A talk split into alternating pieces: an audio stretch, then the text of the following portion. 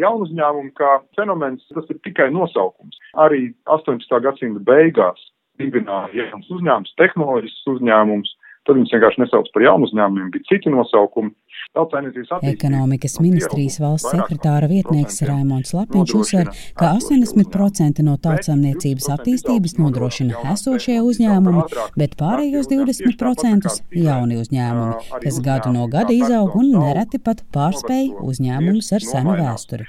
Piemērs, lai mēs saprastu to nozīmi mikrotīkls, tad, kad viņš tika dibināts, bija klasisks tāds jaunu uzņēmums sanāca investors, sanāca tehnoloģijas pārvaldītājs, izveidoja uzņēmumu.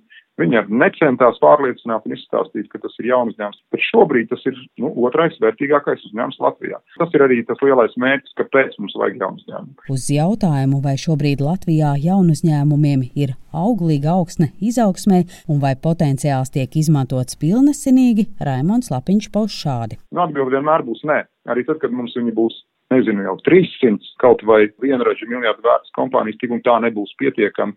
Visa mūsu tāda ilgtermiņa attīstība ir atkarīga vai turība ir atkarīga arī no šiem uzņēmumiem. Tā kā tur vienmēr, vienmēr varēs darīt vairāk. Pirms pieciem gadiem jaunu uzņēmumiem izveidojās ciešāks dialogs ar valdību, līdz ar to tapa stratēģija, izveidots jaunu uzņēmumu darbībai labvēlīgs likums, kā arī rasta iespēja piesaistīt struktūra fondu līdzekļus. Piecos gados daudzas ieceras jau īstenotas un sadarbībā ar nozari top kas jauns - jaunu uzņēmumu vides attīstības stratēģija.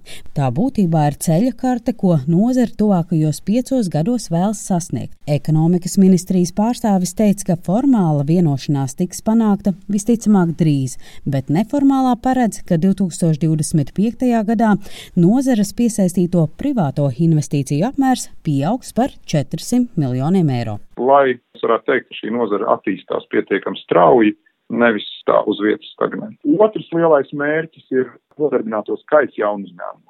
Jo, ja pat mēs ieinvestētu, nezinu, 400 miljonus un neradītu nevienu darba vietu, Nu, pieņemsim, tas viss strādātu tā kā vēja parki, kuros cilvēku ir ļoti maz, pamatā ir aktīvi, tad Latvijas republikā ir ļoti maz iegūta. Latvijas jaunu uzņēmumu asociācijas startin.lv valdes loceklis Andris Bērziņš atzīst, lai gan stratēģijas izstrāde birokrātijas līkločos ir nedaudz iestrēgusi, visiem iesaistītajiem ir skaidrs, kādu pienesumu jaunu uzņēmumi spēj nest. Jaunu uzņēmumi ir viena daļa no ekonomikas, kas var ļoti ātri izaugt, veidot lielu pienesumu ekonomikas attīstībā salīdzinoši īsā laikā, jo būtībā šie ir uzņēmumi, kas eksportē, kura produkts vai pakalpojums ir kaut kas mērogojams. Ja sāk attīstīties, tad tā izaugsme var būt ļoti strauja. Par šo nav diskusija, drīzāk diskusija izriet par detaļām, par to, kas ir tieši jādara kam, lai šī ekonomikas sadaļa varētu izaugt ātrāk.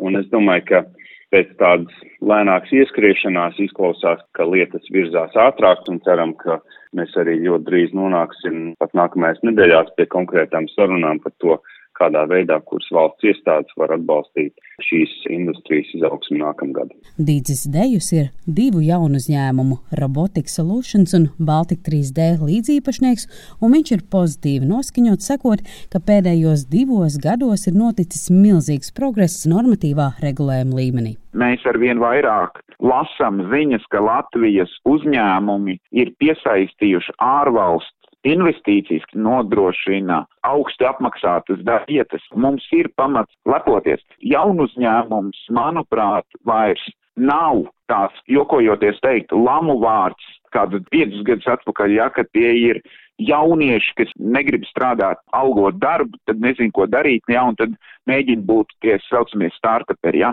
Mēs šobrīd runājam par uzņēmumiem, apgrozījumi ir miljonos uzņēmums kā Printfuls vai Printfais, lieli uzņēmumi.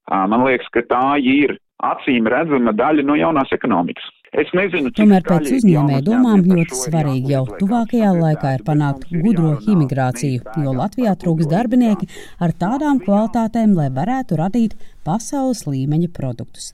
Linda Zalāne, Latvijas radio.